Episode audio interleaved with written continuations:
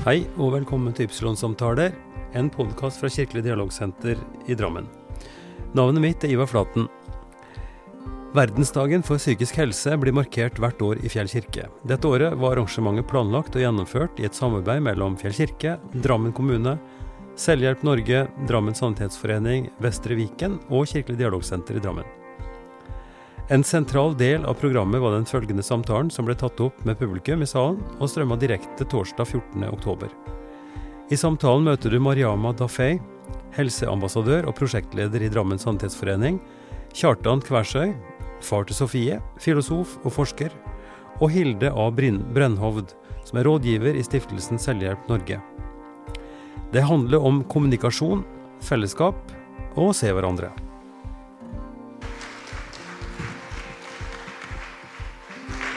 Takk for det, Signe.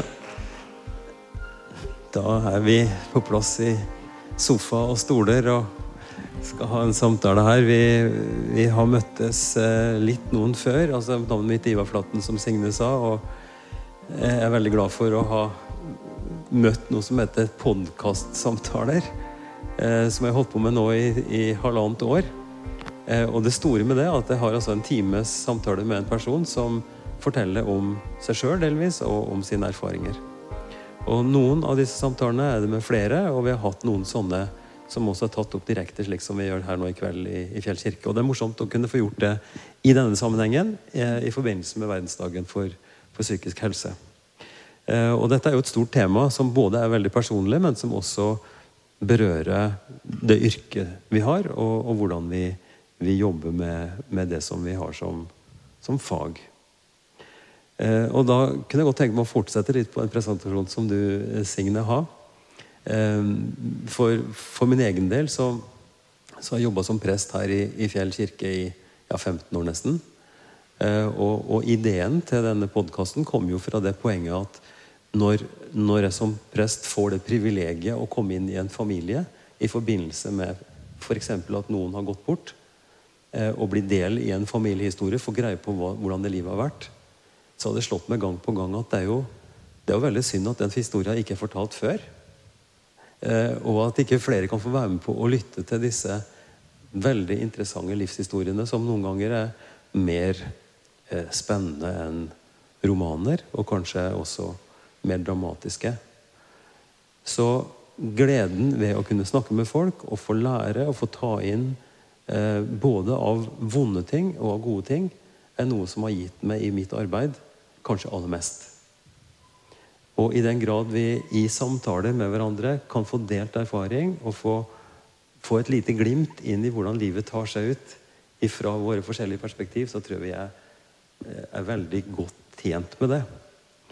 Eh, så denne, denne samtalen blir en, en, liten runde på hvordan livet kan være. Og jeg lurer på, Mariamme, skal vi begynne med Mariama Dafei? Som sitter her på, på høyresida, og som er noe så interessant som helseambassadør. Eh, hva i all verden er det for noe? Um, jo, en helseambassadør er da en som snakker to språk, eller gjerne flere. uh, som jobber som Eller jobber og jobber, da, uh, men er frivillig eh, og ta på seg det ansvaret om å formidle god eh, informasjon rundt det med korona til minoritets, eh, ulike minoritetsgrupper. Mm. Eh, og det er jo ikke bare å formidle informasjon, men det er en kulturell aspekt. Eh, og som vi har sett, så er det også en nærhet eh, som foregår når de møter ja, andre. Mm. For når, når, jeg har sett det du har uttrykt og utsagt, og, også i samtalen vår nå på forhånd, så sier jeg at det er jo ikke bare det å, å få folk til å, å skjønne noe tekst. Mm. Eller det er ikke bare å formidle en informasjon. Det er mer enn det. Og hva er dette mer, du som du sa noe litt om nå? Hva er det som skal til ekstra for, i tillegg til akkurat det der budskapet, tenker du? Ja, det er en kulturell forståelse. Um, og det at uh, For som noen har sagt tidligere, det, altså hvordan korona har preget oss alle sammen eh, fysisk og psykisk. Um, og det vi har sett av erfaring, er det at folk trenger eh, å bli veldig glad det med at det, det kommer noen borti dem og spør hvordan har du det. Eh, og det er det jeg syns er så flott med de frivillige, er at de har ikke bare formidlet informasjonen, men de har også gitt råd om ting folk kan gjøre. Gå på tur med familien sin. Um, altså, av erfaring så vet jeg altså at det ikke er så veldig mange innvandrere som er veldig glad i å gå ut på tur og, og uh, gjøre ulike aktiviteter. Men det jeg syns er så fint, er at vi, de frivillige, har vært med på å utfordre dem da, mm. uh, til å gjøre ting de ellers ikke hadde gjort. Uh, og det er det ja, det er noe av det jeg er veldig takknemlig for da, og setter pris på. Mm. I, I, samtalen vår på forhånd, hvis, hvis, jeg, hvis jeg satt og spiste suppe Jeg tenkte forresten hva er forskjellen på suppe og grøt når jeg fikk den suppa. Men Men en god suppe er jo fyldig. Og, og det, det, er helt feil. Fra min barndom så var suppa sånn at den så vidt hang på skeia. Men sånn skal ikke suppe være. Så vi fikk veldig god suppe i dag. Men hvis vi snakka om, om, den suppa og snakka om det vi skulle si her, eh, så, så snakka vi også om hva slags metodikk, eller hvordan kommer man i posisjon for å treffe folk. For som det Helseambassadørprosjektet handler om å også oppsøke mm. og nå de som kanskje ikke har fått den kunnskapen. Si litt om hvordan dere gjorde det. Ja, Det meste av det handler jo om nettverk. Mm. Uh, og heldigvis så har vi et ganske stort nettverk. Mm. um, både jeg og Bente. Uh, og så har Drammen kommune også vist veldig stor interesse. Uh, og vært veldig hjelpsom. Mm. Som, altså, støttet oss veldig mye. Eh, vi har vært eh, i kontakt med introduksjonssenteret. Eh, og de vi veit på en måte ikke har den fordelen da, som alle andre i samfunnet mm. har. Mm. Så, og så har jeg også noen ganger vært på noen dører, da, for å være litt ekstra på. så liksom bank, bank, bank. Ja. Hei, jeg er helseambassadør. Hvordan går det? Eller? ja, vel Vi har starta først med å gi ut munnbind. Ja. Delt ut gratis munnbind og antibac. Det tror jeg en, det har vært en veldig fin og rolig på en mm. måte ja. Ja, å møte fremmede på, da. Istedenfor å bare kaste informasjonshefte i ansiktet på dem. Mm. Så, ja. Knytte kontakt og få en, en, inngang og en kontakt som kan bygges videre på. Men så har du eh, eh, også videre, du jobber nå i Norske eh, kvinners sanitetsforening og har et, et overordnet ansvar for, for, frivillighetsutvikling eller for frivillighetsarbeid. Mm. Så det er Mariama. Ok? Applaus fra Mariama. Tusen takk. Kjartan. Eh, forsker, filosof, men først og fremst far. Mm. Fortell. Ja, mest pappa. Ja. ja. Eller pappa. Vi eh, lever jo i litt, litt spesiell familie. Mm -hmm. Så vi har en datter med en psykisk utviklingshemming, alvorlig grad. Og det vil si at livet vårt dreier seg mye om Sofie. Ja. Enkelt og greit. På godt og vondt. Mm -hmm. Men ja. Maks fem, fem, meters avstand? Ja, men vi, vi, vi, er sammen. Sofie er aldri alene. Så det, noen, det, betyr at vi må leve livet vårt ganske annerledes da enn Sånn som Jan Grue sier 'Jeg har et liv som ligner på ditt'. Det tror jeg kan si ganske sikkert. Ja. Ja. Uh, du er forsker, mm. og det interessante som du har fortalt, det er at du forsker sammen med Sofie. Ja, altså Vi tror på at uh, utviklingshemmede kanskje spesielt trenger å være synlige så ofte tror vi at taushetsplikt eh, og eh, personvern kan være rett og slett litt skadelig. Forstått riktig, riktig nok. Mhm. Men det er, det er, en fordel for Sofie å være synlig og anerkjennes som person. Mm. Og hva, hva, slags relasjon har det til forskningsprosjektet? Det, Nei, det betyr jo det at Sofie er jo eh, Vi har jo nylig fått gitt ut en veldig spennende artikkel på et kjempeflott tidsskrift. Kanskje vi aldri får gitt ut det. altså International Journal of uh, Disability Development and Education. Kjempeflott tidsskrift. Og der er Sofie med som fullverdig uh, medforsker. Der hun har vist oss andre hvordan hun løser sine hverdagsproblemer på måter vi ikke helt vet hvordan vi skal håndtere. Blant annet, eh, Den store utfordringen vi har sett på, er hvordan skal personer som ikke kan lese eller skrive, og så vidt snakker, få til avstandskommunikasjon under korona. Det har vært et sentralt tema. Og det betyr jo at hvis du ringer min datter og sier 'hei, jeg heter Ivar', så har ikke hun noe å svare. Ja, kanskje hun sier Sofie eller Kie, og så har hun brukt opp egentlig det meste. Og hvis du spør henne da 'hvordan har du det i dag', så har hun allerede datt av lasset. Og så har vi da jobbet med dette med å være sammen og gjøre sammen på videotelefon som et alternativ. Og Der er det egentlig Sofie som har vist oss vei. Og så har vi prøvd også å eh, forklare litt rundt dette. Men så mange, mange nå har jo spist middag sammen, f.eks. på videotelefon. Men dette liksom tar det litt videre. Ja. Doing and talking.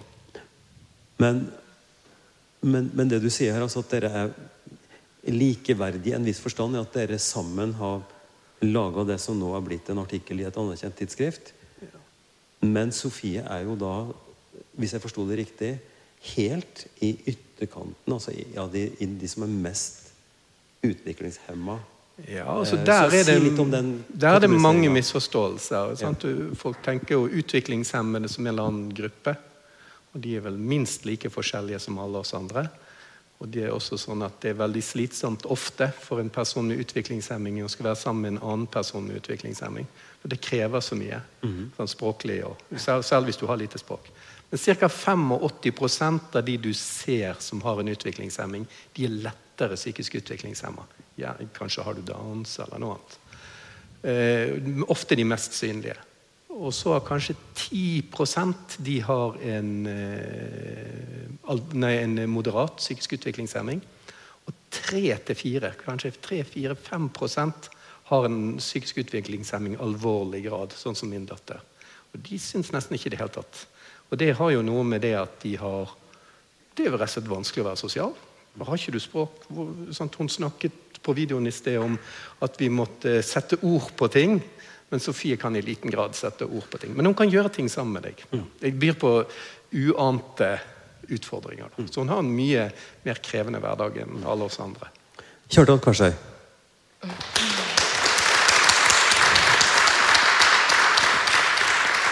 Hilde, Hilde Brennhovd, du jeg gjorde et tabbe i dag. Jeg skulle få kontakt med disse tre og så avtale litt detaljer. Så hekta jeg på en som heter Hilde Brennhovd i Messenger-chatten.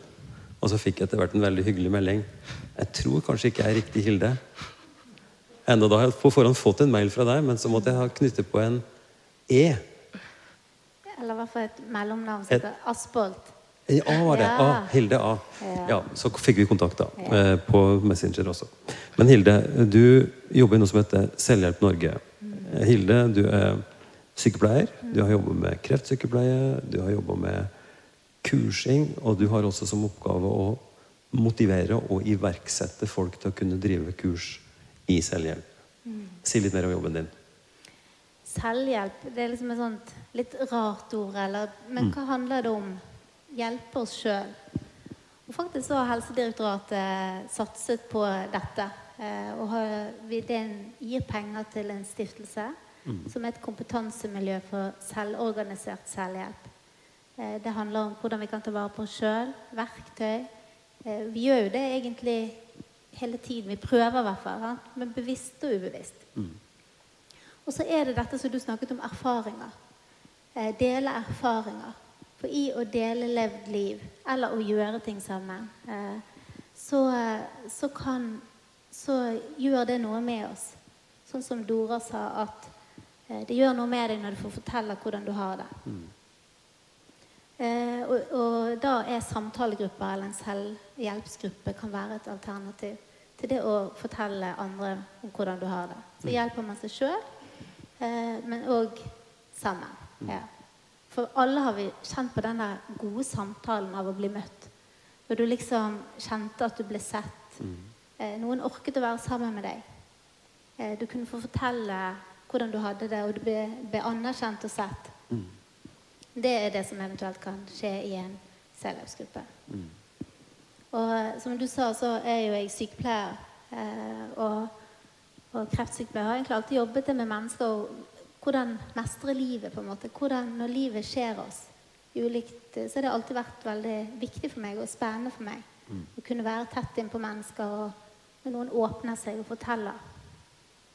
Det, ja, så det er viktig. Så Mm, Så det handler egentlig om å dele erfaring, dele fortellinger, og eh, hvordan inspirere, hvordan hjelpe folk til å kunne forløse det. Hva er trikset liksom, når du skal lede en sånn gruppe? Og eh, har har du noen, noen punkter som du, som du repeterer, og som er viktige? Kanskje det å eh, Når vi skal ha den gode samtalen Eller det, min, noen del av min jobb er jo å kurse folk som skal sette i gang samtalegrupper. F.eks. her i Drammen kommune eller andre steder. Mm. Og jeg tenker for det, I disse selvhjelpsgruppene så er det viktig å lage en plattform der du har litt garden nede. Eh, der det er trygt. Eh, for det er jo først eh, når vi har det trygt, når vi senser at Oi, du tåler å ta imot det jeg har. Mm. Eller hos deg kan jeg kjenne meg trygg. Det er først da vi kanskje tør å fortelle hvordan vi har det. Så en som setter i gang en samtalegruppe, er jo det viktig. Eh, å lage en trygg plattform. Mm. Og det å tørre å eh, Så det handler jo egentlig om å, å se folk, lage det, eh, hilse folk velkommen, så fortelle hva det man skal snakke om. på en måte La folk bli presentere, liksom folk kan ufarliggjøre det litt. da. Mm.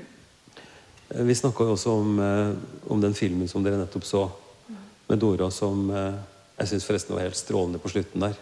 Altså har jeg et punkt til. Um, nei, jeg har ikke noe punkt til.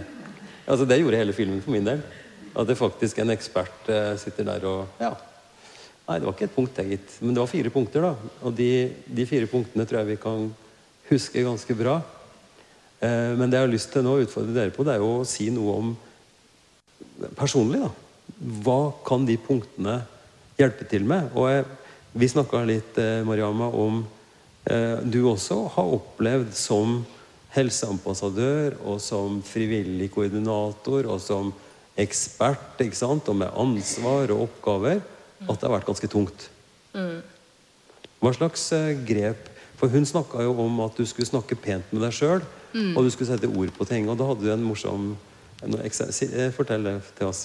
Ja, Um, jeg vet også at eh, av erfaring så kan det å sette ord på ting være veldig vanskelig. Uh, spesielt for meg selv. Uh, og det, det jeg gjør, da, er å skrive ned ordene eller tingene jeg tenker i hodet mitt, og putte det i en boks som jeg aldri skal åpne. Eller jeg vet ikke om jeg skal åpne det, men det kan være noe lite som å skrive noe, og så kaste det i søpla. Um, altså det å bare få ut ting ut av hjernen og ja, på et ark. Um, og det er veldig mange, spesielt studenter og unge mennesker, som er alene. Um, det er noen som har kommet til landet under pandemien, som også er enslige eh, og ikke har noen å være med. Så det kan være ting som kan være fint, da, det å sette ord, men man trenger ikke nødvendigvis alltid. Det trenger ikke å være verbalt. Det kan være Fortell om den boksen. Hvordan ser den ut? Hvordan ser den boksen ut? Ja, den, den boksen er en sånn treaktig boks som vi har laget eh, sammen med typen min. Em, og det er for å hjelpe meg å avlaste, da. Eh, og komme meg ut av hodet mitt. Og komme meg ut av tankene en mine. Den treaktig boks med et lokk på. Er det spikra eller limt fast? Det er limt fast. Eh, det går ikke an å åpne. Det går bare, man kan bare putte inn i små ark inni. Så den skal aldri åpnes. I hvert fall ikke før om 20-30 år.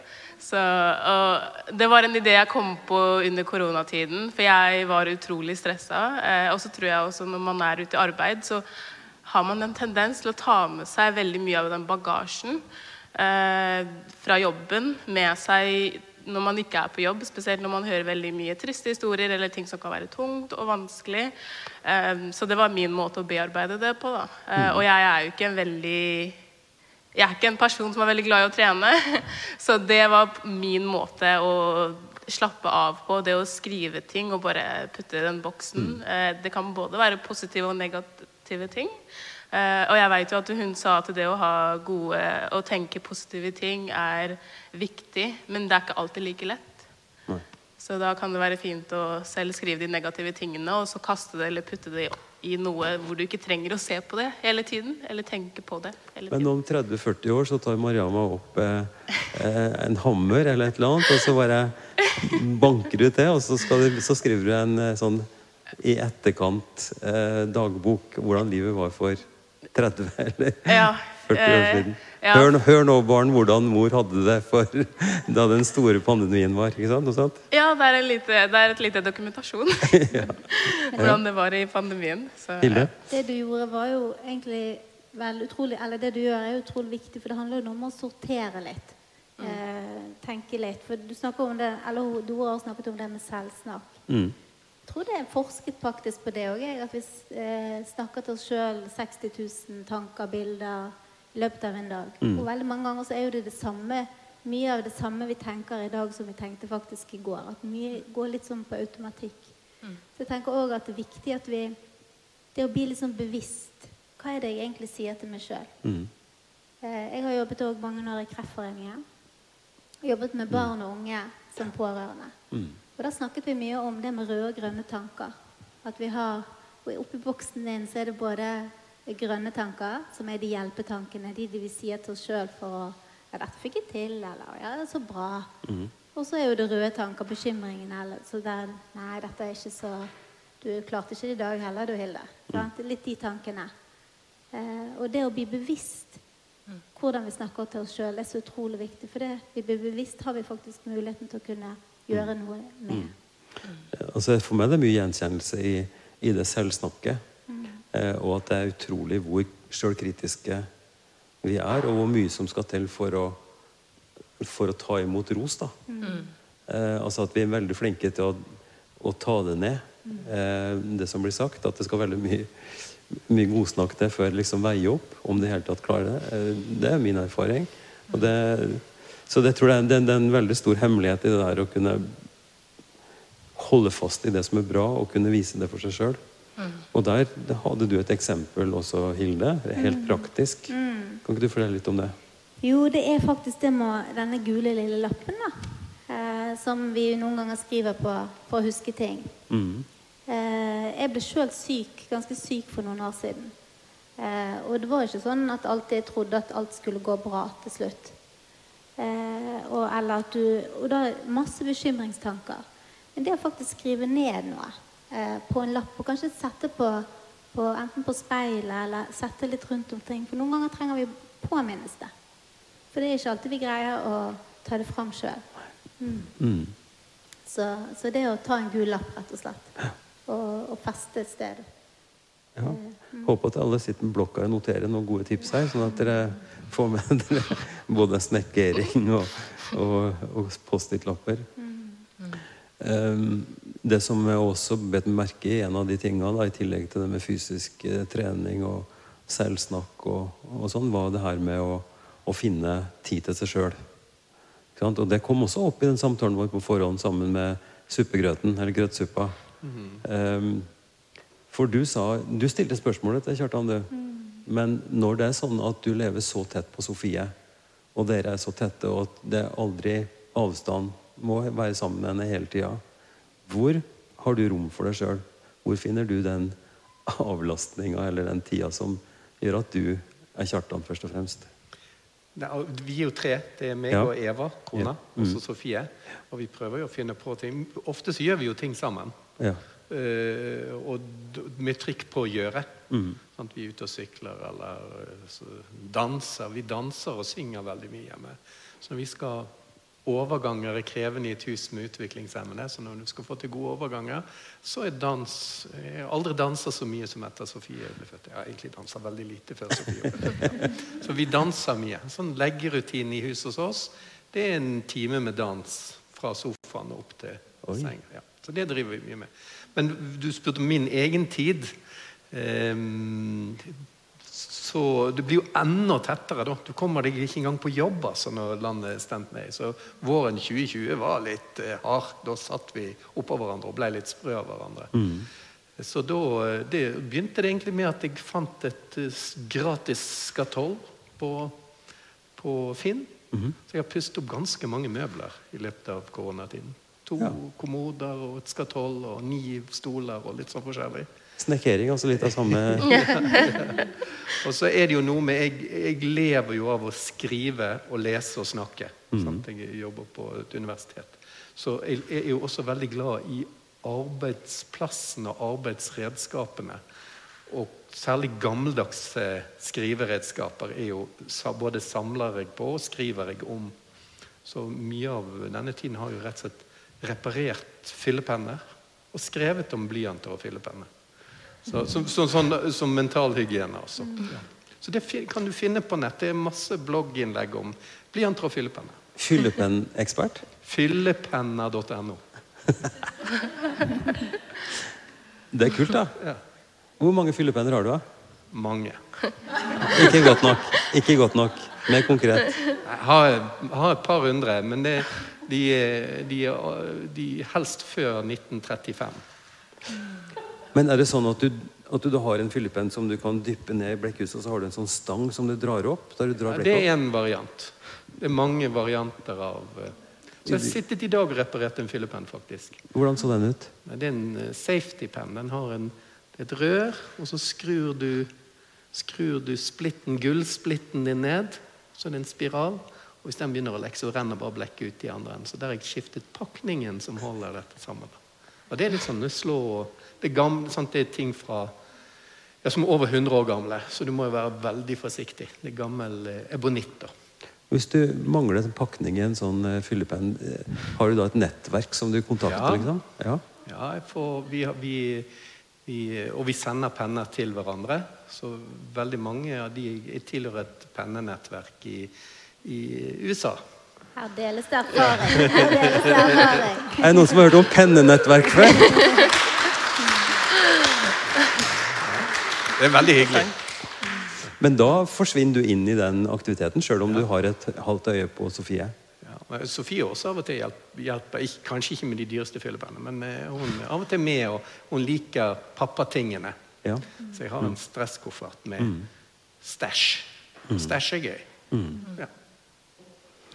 Eh, Det, det som du har gjort et, et stort poeng eh, i nå, som vi har hørt på i samtalen her, men ellers også, at snakking eh, og refleksjon og spørsmål, altså den verbale utvekslinga, den er lite verdt i forhold til Sofie. ja. Sofie kan jo ikke lese noe jeg skriver.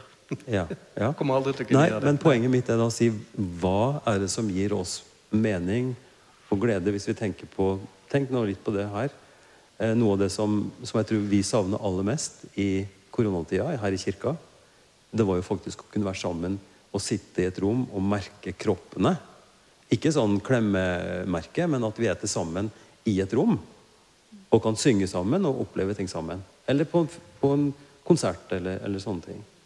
Det store savnet i det å faktisk være, bare være. Som ikke forplikter oss til å måtte snakke veldig mye med alle, men bare å være sammen. Og det er vel en, en, en, en erfaring da, som jeg kanskje tror er verdt å ta med seg. At, at det er veldig overvurdert, eller kanskje oppskrytt, at vi hele tida må drive og reflektere og diskutere og prate og, og utveksle. At det å rett og slett være sammen og sitte i et rom og se på en, en peisevarme det, det er jo noe som gir meg personlig veldig mye å dra på setra. Ikke sant? Å kunne hogge veden, tørke den og brenne den opp. Konstruktivt. Det er jo ikke det, men, men den opplevelsen av at du har en kropp i verden, og at du opplever varmen fra peisen, og at du har mørke, lys Alt det der som er veldig nonverbalt. Men det vet alle håndverkere. Jeg er jo håndverker. sant? Kokk. Ja, du er kokk. Så vi vet at hånden kommer før huet. Og mister hånden kontakt med huet, så Ja. er det huet som lider. Ja, ja, men det er helt enig. Men poenget mitt er bare å prøve å, å reflektere og si noe om at det er en felles erfaring. Ja. Og at dermed så er det ikke veldig langt til å forstå Sofie eller hennes behov for å gjøre ting sammen og være sammen med folk uten at en hele tida må forsvare seg eller gjemme seg bak tekst og, og ord. Og det tenker jeg faktisk òg om det å, Når man har det krevende, eller når livet er tøft, så er det ikke alltid det at alltid det å snakke sammen. Men det at noen orker å være sammen med deg. Kanskje ikke Ofte så vil vi jo fikse opp i ting og kanskje ha en løsning på andre. Og det funker jo sjelden. Mm. Men bare det å være. eh, hvor viktig det er. Mm. Og det handler kanskje om tilhørighet, eh, som er et stort ord som vi snakket om. Men det at vi er her. Vi, vi er jo eh, sammen om noe. Kan jeg bare legge til én ting? Um, når dere snakket om samhold og det å være sammen og gjøre ting sammen, så eh, For oss så har vi en sisterhood-gruppe som er av jenter Eller det er en gruppe med jenter mellom 12 til 17 år. Eh, og når samfunnet stengte ned, så var alle på Zoom. Det var der vi hadde sisterhood. På skolen, ikke sant? Nei, det er eh, etter skolen. Du sa, men de, de var på Jeg fikk ikke På med- Zoom. På Zoom, ja. Ja. Ja, så klart. Ja. Så klart. Zoom, ja. Mm. Ja. Eh, og da hadde vi Sisterhood-opplegg gjennom, altså, ja, gjennom PC-en. Eh, og vi, det var tider hvor vi ikke engang trengte å snakke. Eh, det eneste vi gjorde, var å spille mangas sammen. Det, det var veldig mange som sa oi, det her var kjempegøy. Og selv om vi hva, hva gjorde dere? Among us det er en sånn veldig populær eh, mobilspill. Så man må laste ned på en app, og så La spiller oss man sjekke. sammen. Hvor mange vet hva det er? Skjønner du? Det var, Ja. et, det var et viktig spørsmål. Ja, det er sant. Jeg visste heller ikke noe om det før Forklar, forklar litt nærmere hva dette er for noe rart. Ja, det er, eh, det er et spill hvor man eh, Det er en som er imposter, eh, og så skal de andre finne hvem det er, da. Det er en som på en måte ikke er en del av gruppa, så skal de andre finne ut hvem det er. Hvem som er litt utafor. Ja. ja. Og hvis man finner den som er utenfor, så har man så Så, den- vinner man, da. Så den utafor blitt innafor. Ja. Eller de blir tatt, og så er spillet slutt. Men poenget er det at eh, det var ikke alltid de ville snakke. Det var ikke alltid de hadde lyst til å snakke om Nei. pandemien eller venner som de nesten aldri får se. Eh, Men bare det å sitte sammen med en gruppe og spille, det var nok. Så det med fellesskap og samhold, det trenger ikke alltid noen ganger å være fysisk. Det er jo fint at det, om når det er fysisk, men pga. pandemien så har vi ikke på en måte Ja, så måtte vi gå uten, da. Så Altså, jeg- ble jo 65 år. Rett etter at pandemien har- Og jeg har planlagt det kjempeselskapet. Eh, Du skal ha 25, i hvert fall. Eh, Hva måtte vi gjøre? Vi måtte fyre opp eh, en Zoom-økt. Så satt vi, ble vi kanskje 25 stykker som satt der, da. Og vi hadde jo riktignok et glass rødvin. Beklager hvis noen syntes det var fælt, men vi hadde altså et glass rødvin. Og så var det to som spilte. Og de spilte sammen over Zoom. Det hørtes jo ikke ut som noen ting annet jeg har hørt før. Det var, ja. Men vi var, så, vi var sammen. Det er poenget. ja. Eh, og opplevde det som, som så klart noe veldig mye dårligere, men allikevel så var vi sammen. Ja. Så jeg kjenner igjen den tanken, da, men det bare å sitte ja, og Du sa jo noe om det, at dere kunne spise middag sammen. På Zoom. Ja, det passer veldig godt, det. Si litt Så jeg rigger opp eh, ja, jeg, kan jo heller, jeg kan heller ta en kollega av meg. Hun, hun, har, eh, fått, hun er pensjonist og har fått seg en kjæreste i Sverige. Hun greide å få kjæreste rett før eh, pandemien. Så de var på en busstur sammen i England, og så ble alt stengt ned. Så det var jo helt forferdelig. Og hun, hun er 77, og han er 81. Og de, har, de spiser middag sammen hver dag på FaceTime sitter rett og spiser middag. De sier vi, har ikke, vi kjenner jo ikke hverandre så godt, så vi har ikke så mye å snakke om. Vi spiser middag sammen, og på fredag kler de seg opp. Kler seg opp, ja. Slips og pene klær. Ja. Og så ser de de samme TV-programmene. Og det ser de hverandre når de ser på TV. Sånn? Hæ?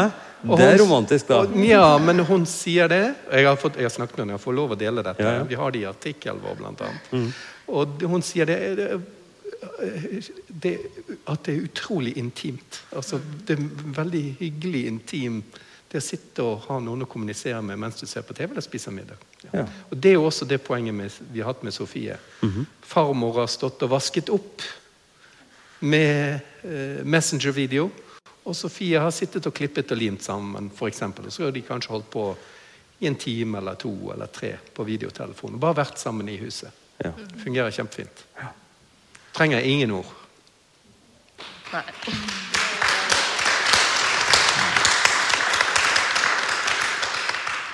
Eh, Da er det en verdensnyhet som skal slippes her nå. Det er nemlig slik at det har vært utlyst en, en prosjektkonkurranse eh, for å lage et nabolagsopplegg. Og da kan jeg fortelle at Signe her og Kjartan og noen flere har laga en søknad som har sluppet gjennom nåløyet, og som er gitt eh, nesten 400 000 kroner. Og det heter Dyrk et vennskap. Og det Jeg hører ingen applaus. Jeg er forskrekket.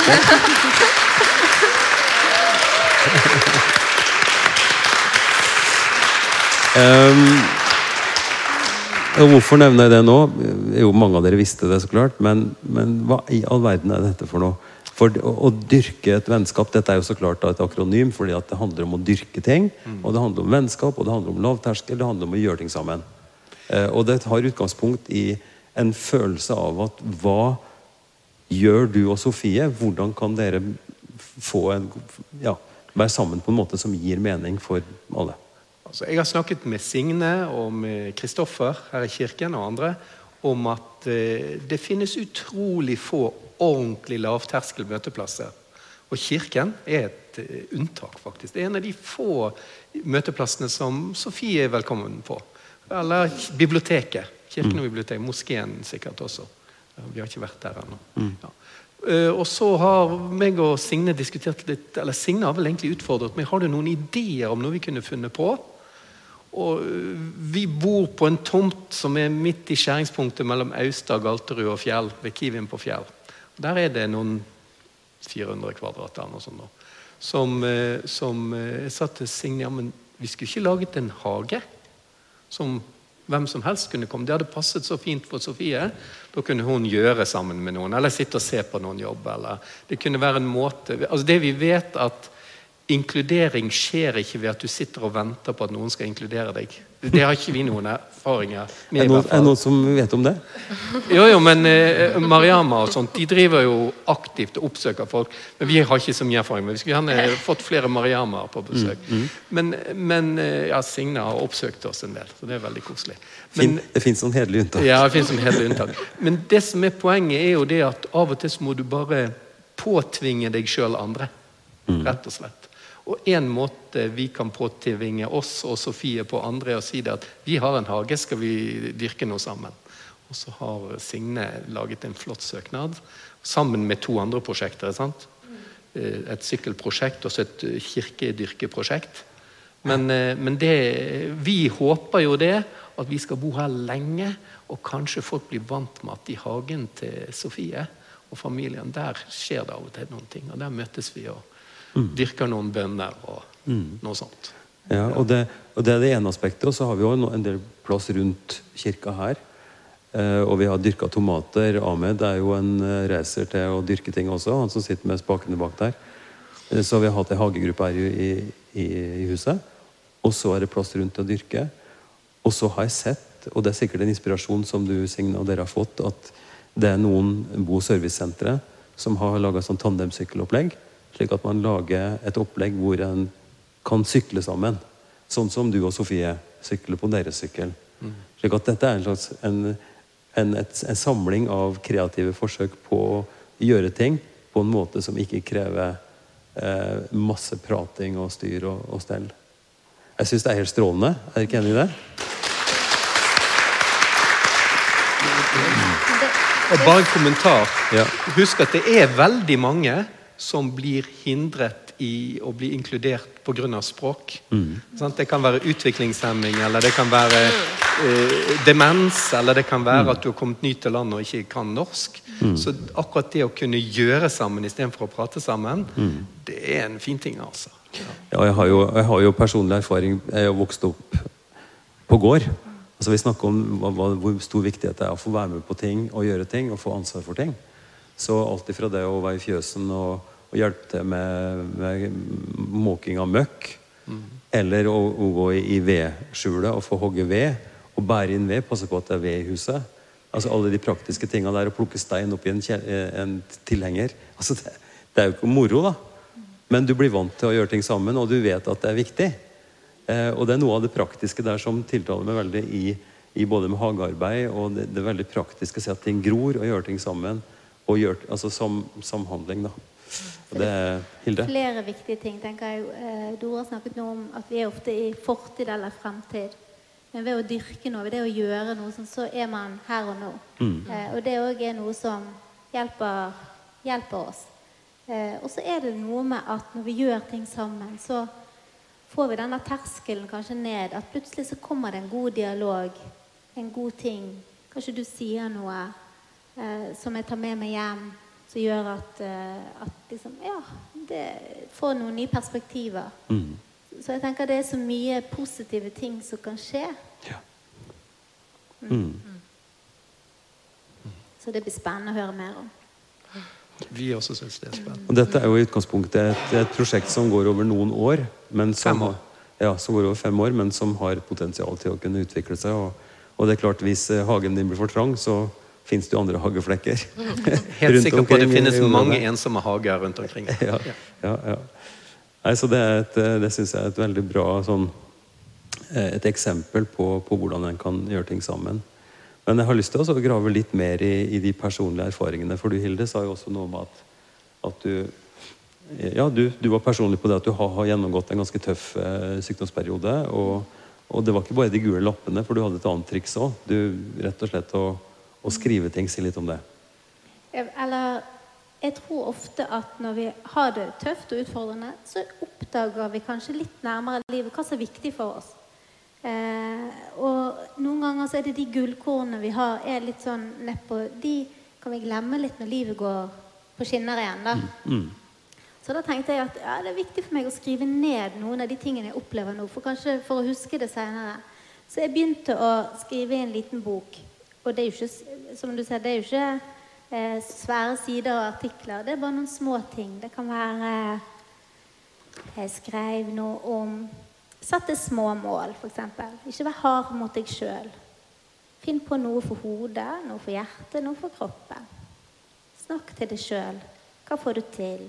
Minn deg sjøl om de gode tingene. Liksom Noen sånne små ting. Og av og til så tar jeg fram igjen den boken min, og så leser litt opp for meg sjøl og minner. Ja, sånn var det. Jeg tenker at det kan være en sånn fin ting for oss å skrive opp.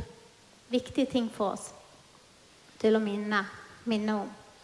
Og det her har jo noe med det som, det som eh, Nora sa eh, mot slutten. Altså det med, og jeg synes det er ganske interessant, men hun sa at du kan ikke ha to Du kan ikke ha frykt og takknemlighet i hodet samtidig. Og det handler vel noe om å, å være til stede og, og huske eller, eller få fram for seg sjøl takknemlighet for noe som du er takknemlig for.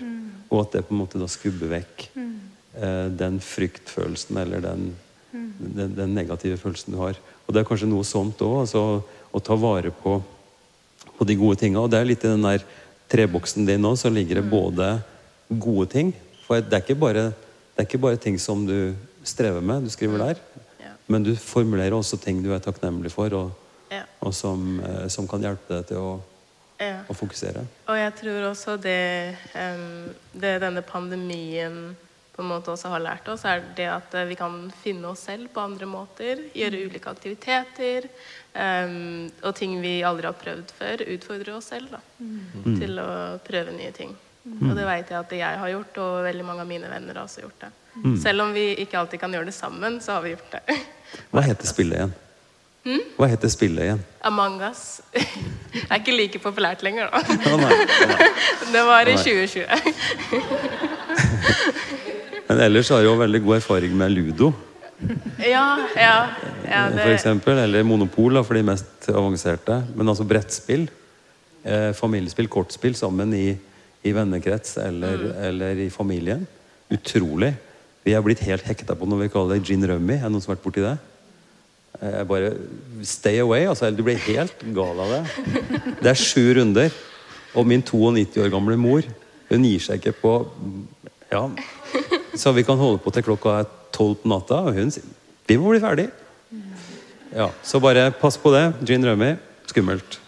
Men det er veldig hyggelig, og det, det engasjerer altså helt på tvers av alder. og, og sånt noe. Så det er noe med Og det er jo å gjøre. altså Det er jo noen regler, så klart. da, Du må kunne det og sånn.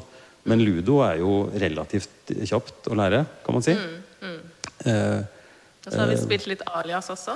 Alias er morsomt. Ja. Ja, og escape room, fordi nå har de laget escape room online. Så man kan Ja. Og escape room, alle vet med en gang hva escape room er? Ja. ja. Nei. Escape room, bare si, bare si det òg. Vi har et sånt escape room nede i kjelleren her, faktisk. Eh. Ja, ja som, som blir brukt av, eh, av Forandringshuset.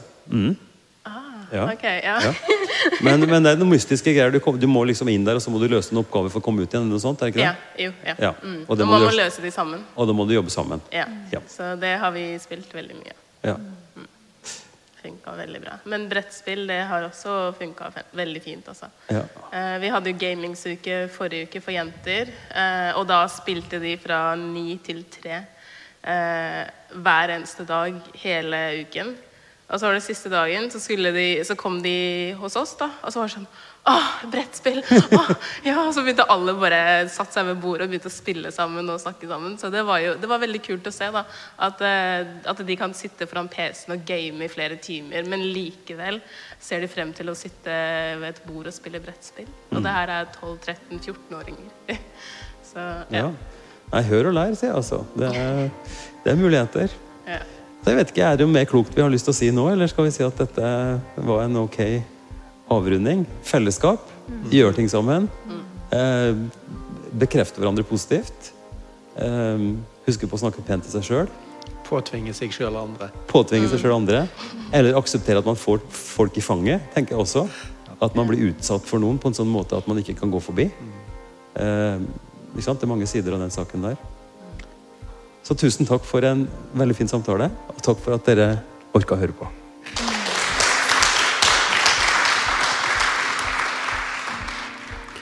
Takk for at du lyttet til Ypsilon-samtaler, podkasten fra Kirkelig dialogsenter i Drammen. Vi gir normalt ut nye episoder hver torsdag, og du kan lytte til samtlige episoder ved å gå inn på ypsilonsamtaler.no. Vi er veldig glad for inspirasjon og tilbakemeldinger, og gjerne forslag til folk som du tenker vi kan snakke med. Podkasten er støtta av Drammen kommune, av Barne- og familiedepartementet og av Einar Juels legat. Velkommen til tilbakemeldinger som du kan sende til Ivar. Krøllalfa kirkeligdialogsenter.no. Vi høres.